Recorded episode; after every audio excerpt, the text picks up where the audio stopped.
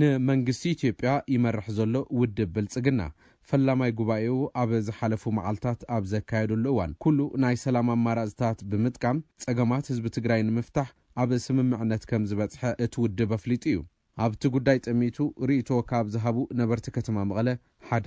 ኣይተ ኣንዱኣለም ተስፋዮም። ንሕና ውን ካብ መጀመርያ ኣትሒዙ ሰላም ኢና ንደሊ፣ ብሰላም ተትፍታሕ ጦርነት ዝበሃል ኣድላይ ከምዘይኮነ ንኹሉ ማሕበረሰብ ዓለም እናሰምዖ ዝፀንሐ እዩ። እቲ ህዝቢ ውን ዝደልዮ እሱ እዩ። ሕዚ ውን ንሳቶም ዝብልዎ ዘለው እንድሕር ትኽክለኛ ኮይኑ ሰላም ተትኸውን ናህና ውን ደስታና እዩ ግን እማ እንድዩ ሰላም ድርድር ክገብር እየ ክብል ተሎ እንድሕር ትኽክለኛ ሰላም ድርድር ዝግበር ኣሎ ኮይኑ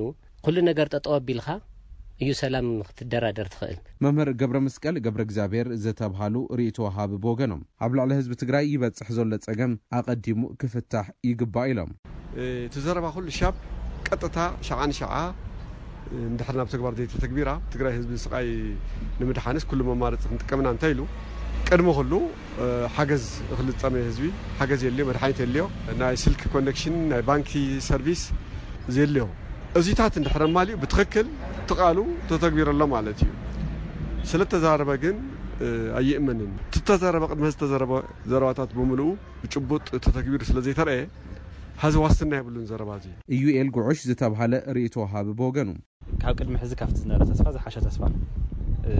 ዝህብ ይመስል ከቢድ እንድዩ ምስቲ ውድብ ኣካይዳን ናይቲ መንግስትን እስካ ሕዚ ዝገበሩ ኣካይዳን ኣምብሪግ ክተብል ዋላ ተኾነ ኩሉ ኣማራፂ ክንወስድ ኢና ኢልካ ብግልፂ ምዝራብ ብዛዕባ ህዝቢ ትግራይ ናይ ምግንፃል ናይ ዘይምግንፃልን ሕቶ ከም ሕቶ ሪኮግናይዝ ገይሩስ ክግንፀል የብሉን ክጠሜና የብሉን ክነመሓድሮ ኣለና ክጠሚ የብሉን ኢልካ ምዝራብ ኣብ ዝሓለፉ ዓሰርተ ሽዱሽተ ኣዋርሕ ዘይተገበረ ዘረባ እዩ ባዕሉ ዝኸኣለ ዝኾነ ፖቴንሻል ዘለዎ ይመስል መጨረሽኡ ከመይ ክኸውን ተስፋ ጌርና ንሪኦ ጉዳይ ኮይኑ ማለት እዩ። ሓላፊ ርክብ ህዝቢ ውድብ ዓረና ንሉኣላዊነትን ዲሞክራሲን ኣይተ ዓምዶም ገብረስላሴ ብወገኖም፣ ሰላም ካብ ኩሉ ንላዕሊ ንህዝቢ ትግራይ ኣገዳሲ ጉዳይ እዩ ምኽንያቱ ኣብ ዝኸፈእ ኩነታት እዩ ዘሎ ከምዚ ዓይነት ፃውዒት ምቕራቡ ፅቡቕ እዩ ክትብሎ ትኽእል ኢኻ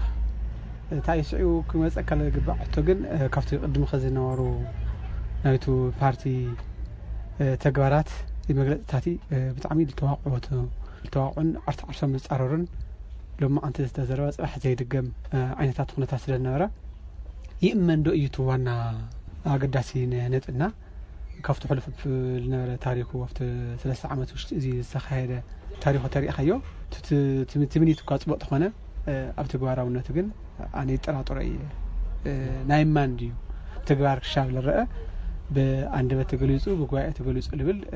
መተኣማመን ነገር ኣይኮነ ኣማራፂ ሰላም ተግባራዊ ንክኸውን ኣብቲ ጎንፂ ዘለዉ ሓይልታትን ዓለም ለኸ ማሕበረሰብን ክሰርሑ ይግባእ ኢሎም እቶም ወሃብቲ ርኢቶ። ንድምፂ ኣሜሪካ ሙልጌታ ኣፅበሃ መቐለም።